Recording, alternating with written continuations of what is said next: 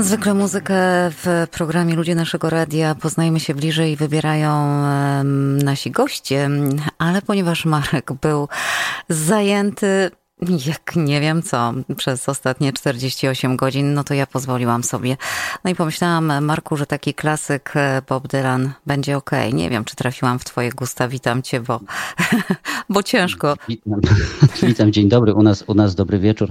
Bardzo, bardzo mi ta piosenka e, spasowała, tak bardzo kolokwialnie mówiąc. no to fajnie. Odpłynąłem przy Bobie Dylanie. no to się cieszę. Nie odpływaj nam jeszcze przez 20 minut. Muszę ci powiedzieć, że mam ogromny wyrzuty sumienia, że cię naciągam na tą rozmowę. Wiem, po jakim jesteś e, ciężkich e, iluś dziesięciu godzinach, Marek. E, ciężka ta praca reportera, ale chyba też satysfakcjonująca, co?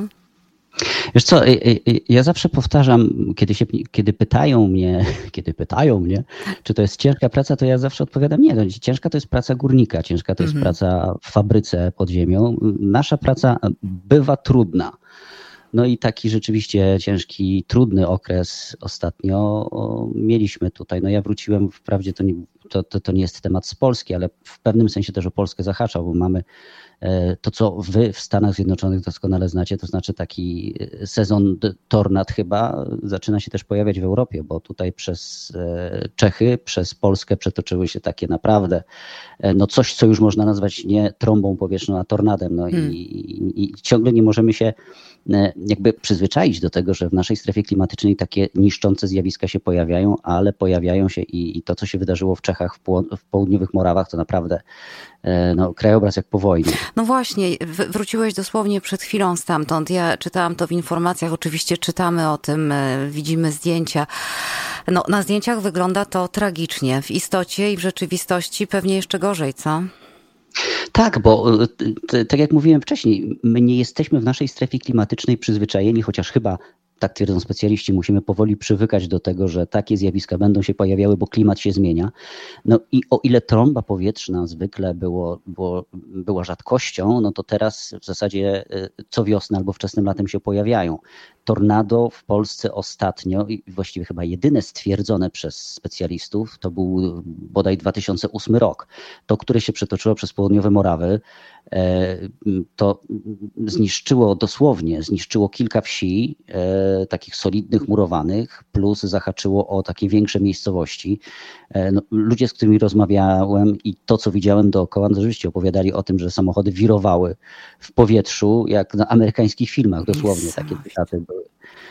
Więc y, no, chyba będziemy musieli się y, powoli przyzwyczaić do tego, że w naszym klimacie takie rzeczy będą się zdarzały. Natomiast zupełnie nie jesteśmy do tego przygotowani. No nie jesteśmy przygotowani, a co, co gorsza, niektórzy w ogóle nie, nie wierzą w to, że jakieś zmiany następują. Być może takie zjawiska e, ich przekonają.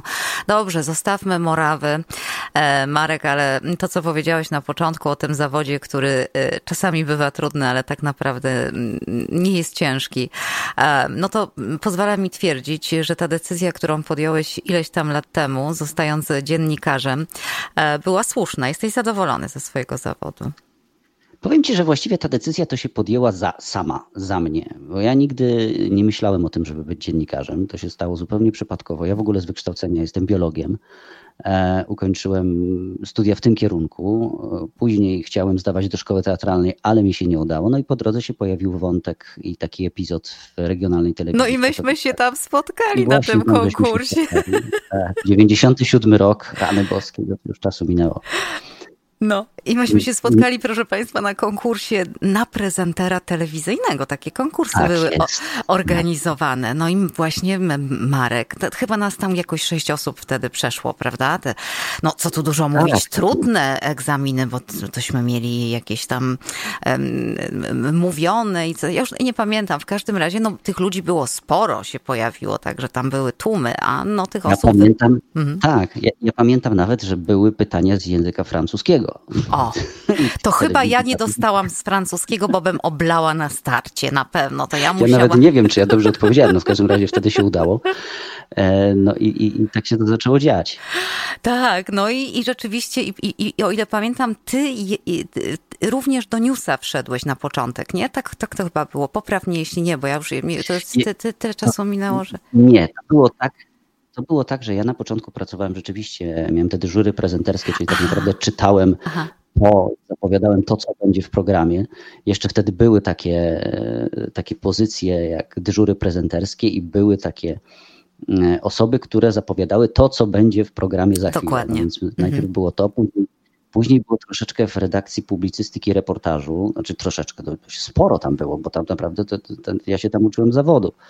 I, i, i ta, ta, ta, te cztery lata w telewizji regionalnej Katowice dały mi szansę przede wszystkim, żeby spróbować wszystkiego. Za mm. marne pieniądze, właściwie za żadne pieniądze, ale no to doświadczenie, które tam zdobyłem, to, to, to później procentowało. To, to nie ulega dyskusji. Tak, bo musimy oddać tutaj sprawiedliwość, że już na samym wstępie dostaliśmy różne kursy, prawda, i to tak. i logopedów i tak dalej. I, I, rzeczywiście duży tak, a potem mogliśmy się uczyć. No tam było trochę ludzi, których e, przecież e, moglibyśmy określić jako autorytety, jeśli chodzi o, o, o reportaż, o, o publicystykę i tak dalej, i tak dalej. Słuchaj, tak, no, nie będę... Tak? Tak? Hmm. E, tak. No i, i od tych ludzi się uczyliśmy. Słuchaj, e, to była twoja, tak jak powiedziałeś, ty zastartowałeś wtedy przygodę. Ja już wtedy byłam w tym dziennikarstwie, ale nie o tym. Chcę ci powiedzieć, że oczywiście e, pytania przygotowywała w dużej mierze Marzena ze mną, no bo jak żeby inaczej. Marzena Woźniak, proszę państwa, też z nami pracowała. No i Marzena... Pozdrawiamy, Marzena, Pozdrawiamy cię, Marzenko. No i właśnie Marzena wspomina program Tu i Tam. Pamiętasz go? Pamiętam, pamiętam. To był magazyn turystyczny, który żeśmy razem robili. Bardzo to były przyjemne, nie ukrywam, dni, bo y, ja tak naprawdę w dziennikarstwo informacyjne wsiąknąłem dopiero później, jak już opuściłem tę telewizję regionalną i zacząłem pracować w mediach komercyjnych y, i potem mi brakowało już takiego troszkę spokojniejszego rytmu pracy i czegoś innego. I, i teraz trochę za tym tęsknię, bo to był zupełnie inny wymiar, ale bardzo sympatycznie. A ty pamiętasz, że ja też jeździłam na te magazyny z wami? Ty Pamiętam. byłeś wydawcą? Pamiętam, pamiętam. Ja, różne dziwne rzeczy żeśmy tam robili, to prawda. A czy pamiętasz, jak skakałeś z mostu na potrzeby y, telewizyjne? Pamiętam, to był jedyny, jedyny raz, kiedy się odważyłem na coś takiego. Rzeczywiście chcieliśmy pokazać ten E, no to jest takie, trudno będzie to było bungee, bo to nie było bungee, to była taka, taka, taka namiastka nad Jeziorem Żywieckim, tutaj u nas, pięknym zresztą, był taki, jest taki przerzucony stary kamienny most z wysokim przęsłem, no i tam było to, tak zwane wahadło, to znaczy e, przyczepiało się człowieka do takiej liny i on skakał z tego mostu i tak bujał się jak wahadło pod tym mostem. E, I chyba bym tego nie powtórzył już teraz. Oj, mówiłeś wtedy, że to pierwszy i ostatni raz. No więc e, no to, pozostaje... to jest jedna z tych rzeczy, które dotrzymuję. Pozostałeś stanowczy i niezmienny w tym poglądzie. E, Marek, to rzeczywiście były fajne i takie, no tak jak mówisz, za psie pieniądze niestety, ale, ale ciekawe, tak. ciekawe czasy, dużo przygód. A później z telewizji tej regionalnej, katowickiej, telewizji polskiej, oddział katowicki, wy jak powstał TVN24. Dobrze pamiętam, to było zaraz tak. jak oni się tworzyli, prawda? Tak, to był 2001 rok i ja miałem okazję e, tworzyć oddział TVN24 w Katowicach. Wtedy dostałem pierwszą swoją m, mm, pracę na etacie. To było hmm. dziennikarstwo naprawdę to już teraz się chyba nie zdarza, że ktoś zaczyna pracę na etacie, ale to TVN24 rzeczywiście tworzył się. E, ja byłem producentem wtedy i szefem oddziału w Katowicach i później też jeszcze troszeczkę, troszeczkę się udzielałem jako reporter, ale to była dobra szkoła. To była dobra szkoła, ponieważ e, to było coś nowego to było coś, co miało być polskim CNN i tak naprawdę nikt nie dawał TVN24 na początku większych szans powodzenia. No, a teraz jest to no, wiodąca stacja informacyjna w Polsce. Wytyczyła pewne standardy. Ja nie wszystkie te standardy jakby teraz perspektywy czasu oceniam pozytywnie, natomiast one ciągle działają i są powielane przez inne stacje. Tak, oni już właśnie też obchodzili przecież jubileusz zacny. Ja też pamiętam ten czas, bo, bo też tam gdzieś myślałam o tym, żeby przejść, no ale nieważne, jakieś tam osobiste rzeczy nie pozwoliły. W każdym razie... Ale tutaj, przepraszam, że ci wejdę w słowo, bo tutaj jeszcze, e, jeżeli wrócimy do tego naszego, do tej naszej grupy z, z telewizji Katowice, to był przecież Kuba Porada, mhm. który w tym samym czasie przeszedł do TVN24 co ja, no i teraz w tej grupie TVN cały czas działa i dość dobrze sobie radzi, on tam został.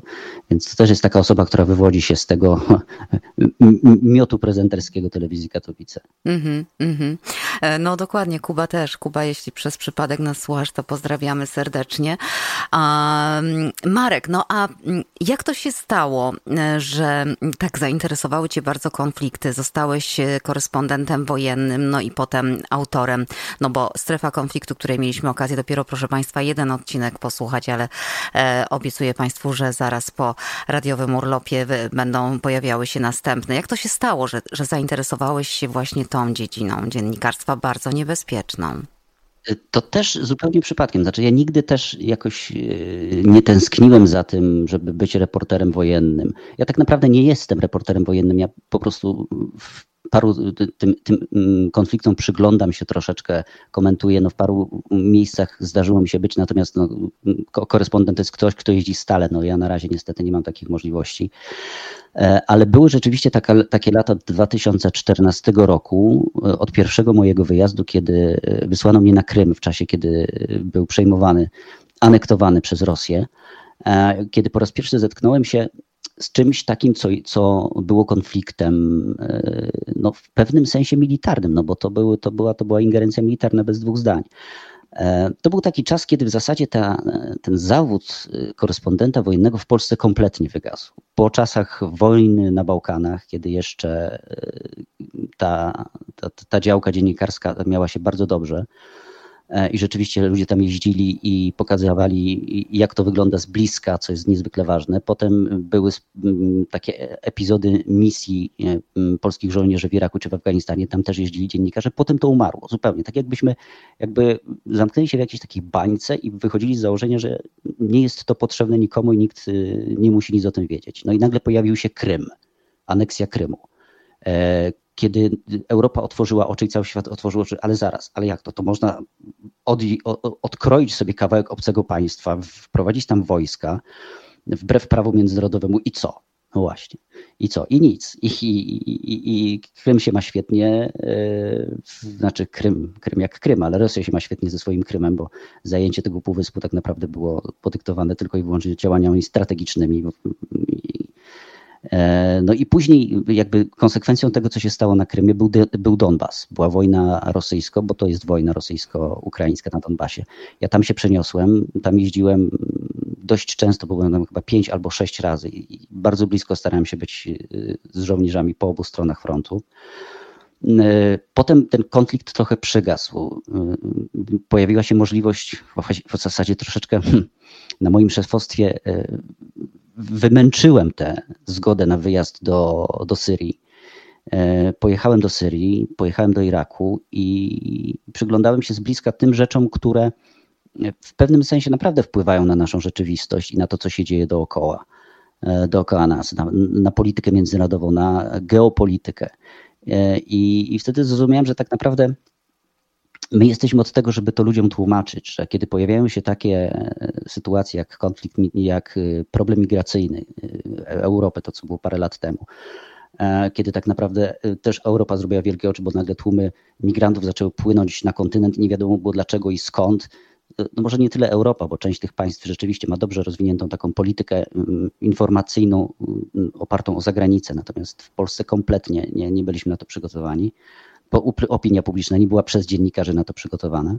E, no i, i, zaczęło mnie gdzieś to tam interesować. To jest trochę tak jak mm, odgrzebywanie, od, odkrywanie takich kolejnych warstw, kiedy mm, interesuje się jakimś wątkiem wojny, potem się okazuje, że ten wątek wynika z innego wątku, który wynika z kolejnego, który sięga mm. gdzieś tam głęboko do historii i to grzebanie zaczęło mnie bardzo, bardzo wciągać. Hmm, no i efekty masz świetne, bo strefa konfliktu, którą zresztą Państwo oprócz tego, że słuchać możecie w naszym radiu w drugą środę e, każdego miesiąca, to możecie znaleźć również e, na YouTubie e, Marka Sygacza i, i tamte strefy bardzo serdecznie zapraszamy. Marek, ja zawsze mm, Ciebie postrzegałam jako mm, dziennikarza z taką szczególną wrażliwością dziennikarską, a także rzetelnością i obiektywizmem. Powiedz, jak w dzisiejszym świecie dziennikarskim funkcjonuje się posiadając te cechy? Ja nie wiem, czy ja mam te cechy. Masz, masz. Stwierdzam, fakt. Bardzo mi miło to słyszeć. Ja bardzo krytycznie patrzę na to, co się dzieje w dziennikarstwie, co się dzieje w dziennikarstwie polskim przede wszystkim. Bo to prawdziwe dziennikarstwo, to, które drąży, które stara się być obiektywne i ma w sobie pokorę, niestety gdzieś tam jest w drugiej warstwie tego wszystkiego. E, na pierwszym planie jest e, mało istotna papka informacyjna, hmm. która tworzy, czy która kreuje rzeczywistość. E, my zapomnieliśmy o jednym, mówię o dziennikarzach, i to jest nasz ogromny wyrzut sumienia, że my mamy potężną broń i potężne możliwości. My, tą bronią jest słowo, a możliwość to jest kreowanie opinii publicznej, wpływanie na opinię publiczną. I to, że, że dzieją się rzeczy takie, a nie inne, jest w pewnym sensie też pewnym naszym zaniedbaniem, e, bo nie korzystamy z tych naszych instrumentów tak, jak powinniśmy. E, I, i, i, to, I tego chyba mi najbardziej brakuje. To znaczy, brakuje mi jakiejś odpowiedzialności. No, wszystko się teraz sprowadza do tego, żeby kliknąć albo żeby obejrzeć. E, I, I, trochę brakuje mi właśnie takich, takiej analizy i takich, takich tematów, które byłyby głębsze i takie pełne pokory wobec tego, co się dzieje jednocześnie. Mhm. Bo tak naprawdę, jeżeli chodzi o informację, o media informacyjne, my powinniśmy informować. My e, nie powinniśmy e, przedstawiać e, czy narzucać jakiegoś, jakiejś interpretacji, komentować, bo to jest już dziedzina publicystyki. My mamy informować tylko i wyłącznie, a informować powinniśmy obiektywnie, bo na tym polega dziennikarstwo. Natomiast to, z czym mamy teraz do czynienia w polskich mediach, e, no to naprawdę włos się jeży. Ja e, oglądając niektóre audycje mediów publicznych, e, niektóre programy mediów publicznych, ja mam przed oczami programy, które oglądałem na przykład w republikach separatystycznych na Donbasie, bo tam też oglądałem mm, pracowałem po drugiej stronie, byłem w Ługańskiej Republice Ludowej, czyli w tej części, która została oderwana przez Rosję i która tworzy taki trochę własny świat, taką enklawę opartą na e, wierze w tę wielką, potężną Rosję i, o, i w oparciu o propagandę. I ta propaganda, która tam się sączyła, e, no aż uszy od tego więdły. I ja nigdy nie przypuszczałem, że coś takiego będziemy mieli e, u nas w Polsce. I okazuje się, że niestety, no, no nie, niestety, ale z takimi mm, epizodami mamy też do czynienia. To jest e, bolączka mm, całego świata. Ja wiem, że w Polsce to, co w tej chwili się dzieje w telewizji publicznej, wiesz co, ja nawet tego nie, nie, nie biorę w e, kategorii dziennikarstwa. Ja już naprawdę nawet tak, nie chcę tego. tej kategorii. Mm, ja, ja, ja, ja tego nie chcę w tych kategoriach oceniać, ale rzeczywiście na całym e, świecie to dziennikarstwo tak się stabloidazyzowało. No spaściło się po prostu. No niestety, obiektywizm, rzetelność, tak jak powiedziałeś, daleko daleko odbiega to od tych standardów takich wytyczanych jeszcze kiedyś przez BBC, nomen omen BBC, które też, jak się ostatnio okazało, ma na swoim no. koncie wpady, a to zawsze był mój no, taki, taki wskaźnik, taki drogowskaz. Marek, masz na swoim koncie nagrody, czy masz którąś z nich taką serdecznie ulubioną i taką, którą darzysz największym e, sentymentem?